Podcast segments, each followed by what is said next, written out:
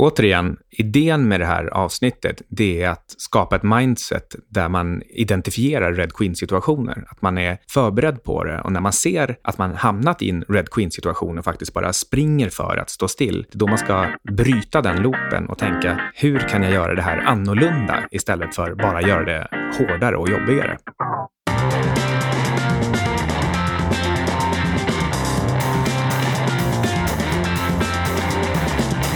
Du lyssnar på 25 minuter, en konversation om personlig utveckling.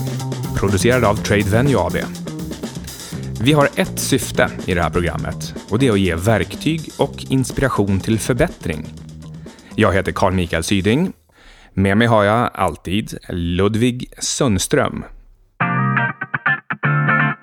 Pepins gör det möjligt för vem som helst, som ett proffs, att investera och bygga en portfölj i onoterade svenska tillväxtbolag. Bolagen som tar in kapital via Peppins har selektivt valts ut, genomgått DD och sedan paketerats för att Peppins medlemmar enkelt ska kunna fatta ett investeringsbeslut. Peppins grundades av fintech-entreprenören Anders Sjunnesson och ägs bland annat av Spiltan, vilket känns tryggt. De har redan flera lyckade case i ryggen. Paradox Interactive, som säkert många känner till, börsnoterades i våras och som efter tre dagar var upp hela 73 procent. Avesta Glass tog in 17 miljoner och som efter sex månader gett en avkastning om 30 procent. Avesta Glass handlas dessutom på Peppins egen handelsplats, Peppins Market. Peppins senaste projekt, Kronfönster, tog in 35 miljoner kronor på åtta dagar från drygt 1200 investeringar. Förutom bra bolag är det kraften av många delägare som ska ge en extra boost i tillväxten för bolagen. Om ni är sugna på att bygga en portfölj av spännande tillväxtbolag som ett komplement till börsnoterade aktier borde ni definitivt gå in på peppins.com för att få mer information.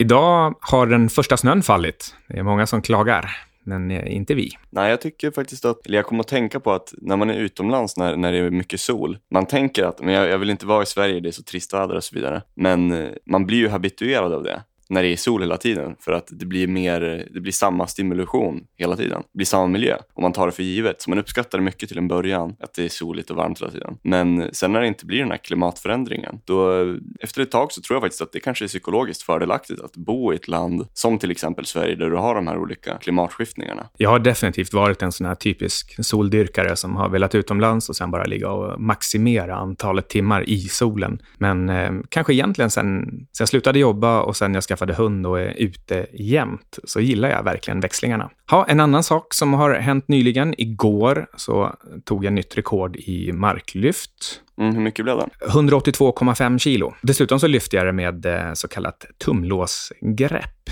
eh, vilket jag bara har testat några gånger. Jag är i vilket fall som helst usel på marklyft. Det är ingenting som någonsin kommer få mig att sticka ut eh, eller någon tycker att den där killen är riktigt vass på marklyft. Honom ska vi ha. Så ja, idag ska vi prata om just relativa styrkor. Jag kommer aldrig vara relativt bra på marklyft på ett sätt som får ja, ge mig en fördel. Om det inte vore för att jag gör det bara för att det är kul och och nyttigt så, så borde jag inte slösa tid på en sån här sak som egentligen bara gör mig till en i mängden hur mycket jag än kämpar. Du borde inte heller slösa tid på sånt. Men det gör jag. Men jag är ganska bra på marklyft tror jag, relativt. ja, men, men fortfarande knappast så bra att du kan tävla. Nej. Ingen av oss eh, skulle ha en chans till exempel att kvala in till SM och inte ens få vara med och bli förnedrade. Så på så sätt så är vi riktigt usla. Och, och det här kan gälla inom vilka områden som helst. Att man, eh, man lägger energi på någonting som faktiskt bara håller en flytande. Det här, eh, det här kallas för um, the red queen-effekt. En grej inom finansbranschen, det är att long onlys vilket en del skulle kalla för helt vanliga förvaltare. Men vi hedgefondförvaltare har alltid lite så här nedvärderande kallat dem för long onlys för att de bara äger aktier. Alltså, mm. De tänker på det sättet helt naturligt. Hela deras karriär och intäkter bygger på att de ska slå index och det spelar ingen roll om index faller med 50 procent, Om de bara faller med 49 procent så har de ändå gjort ett riktigt bra jobb. Tycker både de och deras kunder. För mig är det, helt, är det väldigt onaturligt. Men, eh, och det kanske det är för, för ganska många också. Man vill, man vill vara bra ur ett absolut perspektiv. Och, och så har jag också alltid tänkt om dem. Och, men på senare tid kanske fått lite mer respekt för det här att de, de faktiskt trots allt alltid måste vara bättre. Inte bra, utan bättre. Och det, det leder till en annan typ av tänk och stress än det här att skapa en absolut avkastning. Du menar typ att försöka passa in lite och undvika att stå ut? Ja, visst, det är väldigt naturligt att springa med flocken, men de måste liksom både springa med flocken, det vill säga vara indexkramare, och samtidigt som de springer med flocken så måste de avvika bara precis lite lagom så att de, ja, de får den där extraavkastningen i en bransch eller i en aktie genom att trada den, eller bara bättre än en index, möjligen genom allokering mellan kontanter och, och, eh, och aktier. Knepig ekvation. Och det är precis det här vi ska prata om idag. Just det här att tänka på relativ ja, insatser och relativ eh, resultat. Så en del av tänket idag det är att relativism har ett eget värde jämfört med absolutism. Du har några exempel på det här. Ja, så först och främst, det finns ju en del ganska intressanta feltänk från evolutionsteori. Evolutionsteori stämmer ju, det är en jättebra förklaring för jättemycket saker, speciellt natural selection. Alltså hur rätt saker, så att säga, rätt saker sprider sig. Och de som överlever och lyckas överleva, de blir, de blir fler av.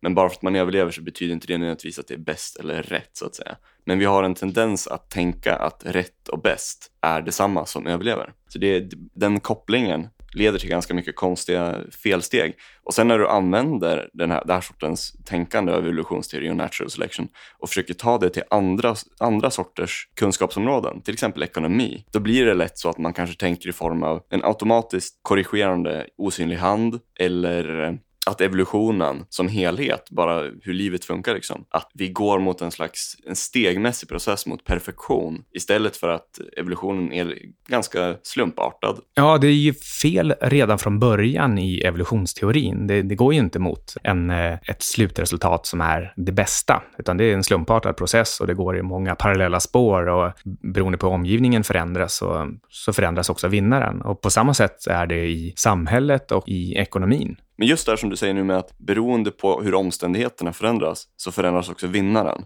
Det är en viktig poäng, för det är just det som är relativt. Vad som är bäst i en miljö är inte bäst i en annan. Och eh, oavsett vad som är så att säga bäst i den miljön så är det det som kommer fortsätta. Och det kan gå eh, lite för långt så att säga, så att det bara fortsätter av sig självt. För att så att allt miljön och ekosystemet eh, manipuleras om för att passa där. Så det blir en slags obalans. Vi pratade tidigare om till exempel leveraged buyouts och hur det kunde ha en poäng i början när det, när det var en viss eh, stelbenthet i företagsledning. Då kunde det komma in folk och ruska om och köpa loss verksamheter som de förstod bättre. Det här gick att göra med lånade pengar för verksamheten och kassaflödet tålde det. Och då strukturerade de om företagen och tog fram värden. Men, men i och med att det här gick så bra i början så blev det fler och fler som kopierade det efter ett tag så fick det ett eget liv då man trodde att alla LBOs är bra. Och fler och fler började göra det och alla som tittade på, på aktierna utgick från att, att det också att det skulle vara bra, så man handlade upp för aktierna i förväg och sen blev det LBO ovanpå det redan upptrissade priset. Förr eller senare så slog man helt enkelt i en vägg där allting bara blev orimligt och byggt på alldeles för mycket skulder. Mm, men så det började som någonting som var uppenbart för de som verkligen tänkte efter att här finns det, det går att göra systemet mer effektivt och det går att tjäna pengar här. Men sen efter ett tag, då var det bara, ja, andra gör det jag ska också göra det. Det är lätt hänt också att tro att man rör sig mot någonting som per definition är bättre. Att det är en slags trial and error som, som ligger bakom alla processer och, och att man då också rör sig mot någonting som är moraliskt och kanske gott. Mm, och så är det inte nödvändigtvis heller. Utan det går inte att kolla på evolutionsteori och dra några enkla, några enkla slutsatser om typ vad som är rätt, fel, bra, moraliskt och så vidare. Utan det är liksom, okej, okay, det som överlever, överlever. Och det är väldigt olika olika situationer. Det är relativt som sagt. Det handlar inte nödvändigtvis om den här misstolkningen av eh, survival of the fittest. Alltså att man ska vara hänsynslös. Utan kanske i vissa miljöer så kanske det lönar sig att vara hänsynslös. Och sen i vissa andra miljöer så kanske det lönar sig att vara ödmjuk och givmild och så vidare. Det beror ju på miljön och samhället och så vidare. Det finns en gren inom ekonomin som heter behavioral economics den eh, ligger bland annat till grund för boken Predictably Irrational. Och den tar upp just att vi människor är inte några perfekta Homo economicus som har tillgång till perfekt information och som sen handlar helt perfekt eh, rationellt. Och att vi då på något sätt skulle gravitera mot ett, mot ett optimum i den här stegvisa processen som du pratar om. Utan tvärtom kan man säga så är både agenterna, alltså personerna, i ständig obalans och eh, utan perfekt vetande om vare sig själva eller omvärlden. Och strävar inte alls mot balans, utan snarare kanske tvärtom är processerna ofta sådana så att de leder bort från balans därför att man följer efter andra, därför att, Eh, precis som med LBOs eller IT-bubblan och husbubblan, att man gör som alla andra och man tycker man hittar någon typ av kärna av sanning och så, så följer man efter och förstärker beteendet och tycker sig då att man, att man får till och med bekräftelse på att det är korrekt och sen leder det bara vidare och vidare, längre och längre bort från balans. Men det här ska vi prata om i nästa avsnitt, är det va? När vi pratar om Soros och hans reflexivitetsteori. Ja, det ska bli kul. Men, men det som du säger här, det är, det är ganska intressant för alltså ekonomisk teori och matematik och många andra såna, ganska många sådana vetenskaper, de vill gärna tro på det här med en inbyggd balans eller att det finns någon slags magisk ordning. Eh, just det, på tal om det här med survival of the fittest och en misstolkning eller ett missförstånd av det, som också utnyttjas ganska mycket, till exempel inom ekonomin. Det är det här med att eh, om du har ett företag som så att säga vinner inom en marknad och får antingen ett monopol eller en överlägsen position och sen, sen frågar andra, okej, okay, men hur, hur blev ni störst? Då säger de, att vi, vi hade bäst produkt helt enkelt. Kunderna har valt. Vi pratar alltså om the Red Queen-effekt idag. Och begreppet kommer från eh, Alice i Underlandet, där den röda drottningen säger till Alice att ja, här i Spegellandet så är det så att eh, man får springa allt vad man orkar bara för att stå kvar på samma ställe. Det här var 1871 Andemeningen av det här, det är egentligen samma sak som sker i kapprustning. Till exempel när USA och Sovjet kapprustade med varandra och eh, bara ökade på sina vapenarsenaler, men ingen fick någon, någon fördel av det, utan tvärtom, det bara kostade. Ja, ursprungligen, där uttrycket, när, när det koms på från evolutionsteori då, eller biologi snarare, evolutionär biologi kanske det, då eh, undersökte de olika sorters djur eller organismer i ekosystem som var i direkt tävling med varandra, eller ja, som var i direkt konkurrens med varandra. Och om du har eh, till exempel flugor som är väldigt snabba runt en sjö och så har du samtidigt grodor som lever vid den här sjön och eh, grodorna äter flugorna och flugorna försöker fly från grodorna. Då spelar det ingen roll om någon av dem, eller om båda blir snabbare, utan det spelar roll den relativa skillnaden. Du kommer ha en stabil balans i det där ekosystemet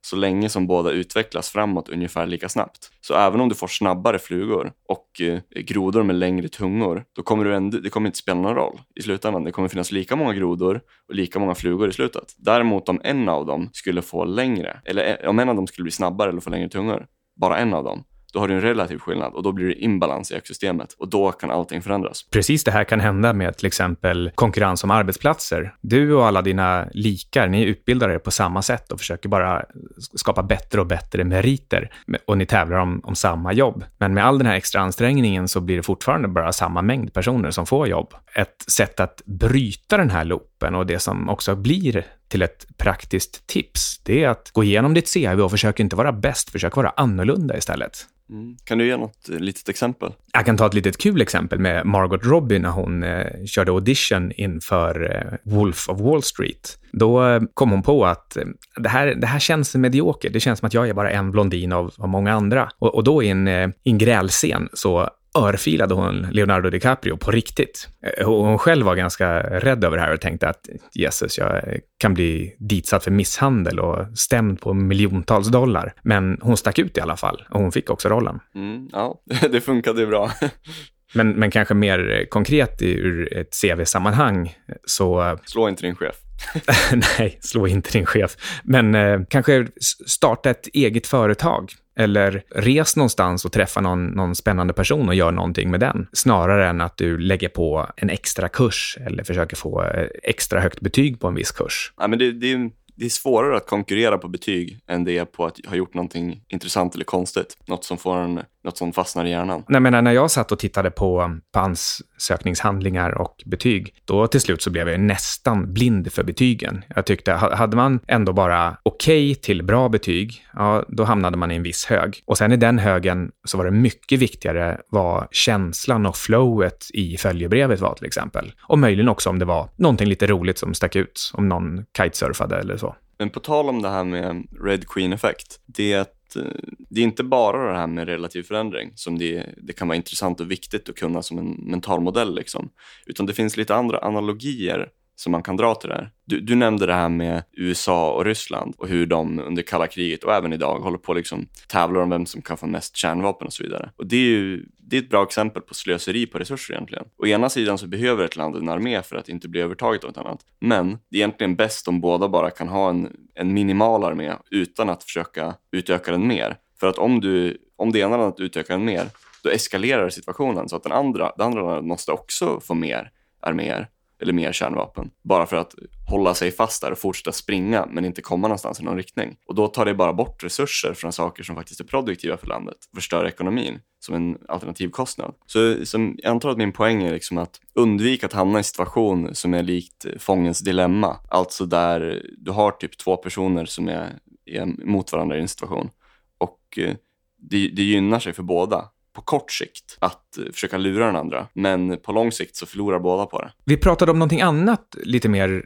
praktiskt och påtagligt tidigare. Det här som, eh, som går under begreppet “Vu-way”, att man gör små, små förändringar. Och det passar också in på ett visst sätt i det här relativtänket, det vill säga att du ska inte sträva efter att göra monumentala jätteförändringar eller kvantsprång, utan tänk relativt istället. Att, eh, ja men säg att, att att du är överviktig och sjuklig, då kanske du inte ska bara försöka förändra hela livet på en gång, utan börja med, med små, små steg. Små promenader, ta bort raffinerat socker ur maten, kanske utöva mikromeditation. Nu menar jag inte att du ska göra alla de här tre sakerna på en gång, utan börja med en och börja med väldigt, väldigt lite, men med mindsetet att sen göra lite till hela tiden. Och det är ju liksom då relativa förändringar och som gör dig anpassningsbar och som gör dig till en, en relativist snarare än en absolutist som, som försöker tvinga in dig själv i, i jättestora förändringar som ska leda fram till ett enda slutmål och sen tror att du ska vara färdig där. Men sanningen är att du är aldrig färdig. Jag kommer att tänka på nu, jag tror det var vårt andra avsnitt, när vi nämnde det här begreppet med talent stacking. Alltså att bygga ihop många olika små saker som är positiva. Och till slut så när du har tillräckligt många av de här och de kombineras, då får du någonting som är stort och bra. Det blir en slags synergistisk effekt. Och det, det är verkligen sant när det kommer till träning, hälsa och även relativa fördelar på arbetsmarknaden eller för ens egen karriär. Ett sånt exempel det är typ Amazon. Jeff Bezos har själv sagt att vi på Amazon, vi har ingen särskild super superkonkurrensfördel som är bestående jämfört med många av våra fiender. Däremot så har vi jättemånga olika strategiska vapen och jag är väldigt duktig på att väva ihop de här vapnen på ett sätt som gör att vi får olika fördelar. Återigen, idén med det här avsnittet, det är att skapa ett mindset där man identifierar Red Queen-situationer, att man är förberedd på det och när man ser att man hamnat i en Red Queen-situation och faktiskt bara springer för att stå still. Det är då man ska bryta den loopen och tänka, hur kan jag göra det här annorlunda istället för bara göra det hårdare och jobbigare?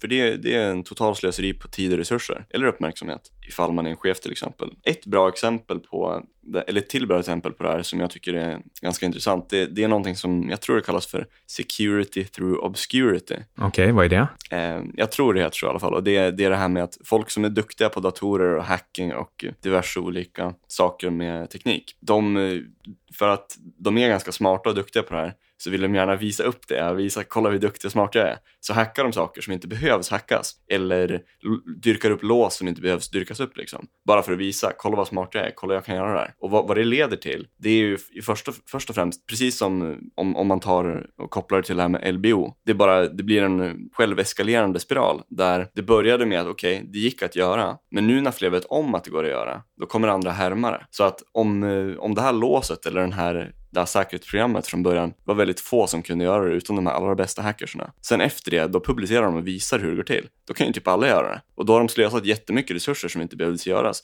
För då måste de här företagen hålla på att utveckla bättre program och så vidare. Och det är egentligen det är inte bra för ekonomin. Det är inte bra för någon. Nej, kanske inte, men, men samtidigt så det finns ju alltid någon illvillig som också är ganska duktig som, som annars skulle göra det här i, i smyg, vilket skulle kunna vara riktigt skadligt. Så på ett sätt så kan jag ändå gilla den här kapprustningen just inom eh, virus och hackers. Men, men i grunden så följer ändå det här exemplet med att det borde inte ens, det beteende borde inte eskaleras. Det borde inte spridas för det är dåligt beteende och det leder till ett slöseri på tid och resurser. Vilket fall som helst, det här med Red Queen-situationer, det är ett slags 80-20-tänk man kan använda här, där eh, när man inser att man är, en 80, i en, eh, när man inser att man är i en Red Queen-situation, då, då gör man bara den minimala insats som krävs för att passa in, så att säga. Så att man inte sticker ut riktigt ordentligt på nedsidan heller och, och därmed blir diskvalificerad. Utan eh, gör lite lagom, tillräckligt mycket för att bara flyta med, men slösa inte tid på att bli bra på någonting där du ändå inte sticker ut på uppsidan. Hur eh, menar du mer konkret? När man går i skolan till exempel, då, i alla fall på den tiden när jag gick i skolan, då krävdes att man hade godkänt i alla ämnen för att överhuvudtaget kunna söka till vissa linjer. Jag vet inte riktigt om det är så nu längre, men, men däremot så behövde man, kunde man kanske, tror jag, räkna bort sina sämsta betyg och bara räkna genomsnittet på övriga betyg när det gäller själva intagningen och ansökningsprocessen. Och, och i det här fallet, då fanns det ett, säg att man var dålig på, på teckning eller gymnastik eller konstvetenskap eller någonting sånt. Då gällde det ju bara att se till att man fick ett precis, precis godkänt betyg i de här, så att man i alla fall hade rätt att söka till nästa nivå. Och sen lägga all energi på att få toppbetyg i resten, så att man också tillhörde det topp, toppskiktet som blev antagna. Men, men däremot hade det varit riktigt dumt att försöka lägga massor med energi på att bli bra på de här områdena som ändå var svaga områden och som man faktiskt fick räkna bort sen, så länge, så länge man bara hade godkänt. Det håller jag med om. Det, det, det, det är ett bra system. Så slipper man den här intellektuella uniformiteten. Säg, säg ett CV nu till exempel. Om jag ska söka, söka ett jobb, säg att jag är, jag är lite halvtaskig på eh, tyska och franska kanske. Det finns ingen anledning för mig att lägga massor med tid och energi på att bli riktigt bra på tyska och franska. Åtminstone inte om jag inte ska, faktiskt ska använda det i det yrket. Däremot så kan det vara lite, möjligen lite bra att att det faktiskt står på CVt för att det ser ut som att man ändå kan någonting lite mer. Men, men det är bättre att satsa på sina riktiga styrkor då. Jag fick ha IG i musik i alla fall. ja, jag, jag, det, jag, tror inte man fick ha det på min tid. Alltså, man fick inte ha någonting som var underkänt. Men, mm. men så hette ju inte betygen samma sak. Men du, jag kommer att tänka på ett till exempel på sån här, en, en Red Queen-situation som säkert många som lyssnar kan känna igen. Och det är det här begreppet med konsument versus producentöverskott i mikroekonomi. Det finns ett känt exempel från Berkshire Hathaway, det här med att Warren Buffett köpte Berkshire Hathaway och det var ett symaskinsbolag, eller ett, ett textilbolag. Ja, ja, precis. De hade massa vävmaskiner. Ja, exakt. Och eh, vad de märkte där var att okej, okay, alla uppgraderar hela tiden sina symaskiner och vävgrejer här. Och vi blir alltid sålda av de som tillverkar det att ah, men det, det kommer göra er 10% mer effektiva. Men sen tänkte de inte ett steg längre. Alltså att alla kommer köpa den här maskinen. Så du kommer inte bli fem steg sämre eller absolut kommer du bli 5%, 5 mer effektiv än förra året. Men relativt så blir förändringen noll medan du samtidigt lagt en massa pengar bara för att hålla dig kvar i konkurrensen mot andra. Så företaget bygger ju ingen konkurrensfördel på att hålla på med det. Nej, precis. vad man borde gjort var bara lägga ner helt enkelt. Och det var det som Buffett kom fram till till men, slut. Men det tog lång tid. Ja, och det var ja. då han också utvecklade det här tänket med vallgrav, att där fanns ingen vallgrav. Och då kunde han använda de här, eh, den här lärdomen för all framtid därefter. Det är ett bra exempel, men jag tycker det är en otroligt viktig princip att tänka på det här med Red Queen. Och eh, det finns jättemånga andra analogier man kan dra. Men grundmodellen tycker jag ändå är det här med Red Queen, att se situationer där folk bara gör saker för att hålla sig flytande. Men det leder inte till att de blir bättre på sikt. Nej, och med motsatt tänk så ska man då istället leta efter områden där man kan skapa bestående fördelar. Och det kan till exempel vara att när man har hittat sin både passion och sin styrka och gör det här inom ett ett område där man har potential att, att sticka ut och excellera, åtminstone vara, vara unik och annorlunda. Först då kan man börja med den här inkrementella processen att eh, ständigt stärka sig inom det området och då uppnå riktigt långsiktiga fördelar. Helt och hållet till skillnad från vad som händer när man är i en Red Queen-situation. Veckans bok är Deep Simplicity. Och det här är en bok som eh, ja, den förklarar en massa saker, olika vetenskapliga områden som annars är ganska avancerade och svåra att förstå. Liksom. Man kanske måste läsa en massa för att fatta varje grej. Typ jordbävningar och magnetism och även evolutionsteori och liknande grejer. Och det är, det är en intressant och bra bok som man kan läsa för att lära sig ganska avancerade saker på ganska kort tid och få det förklarat på, en, på ett sätt som är simpelt. Enkelt. Då har du lyssnat på 25 minuter med Syding och Sundström. Programmet produceras av tradevenue.se och klipps av Johan Olsson. Vi tackar för oss. Tack själv.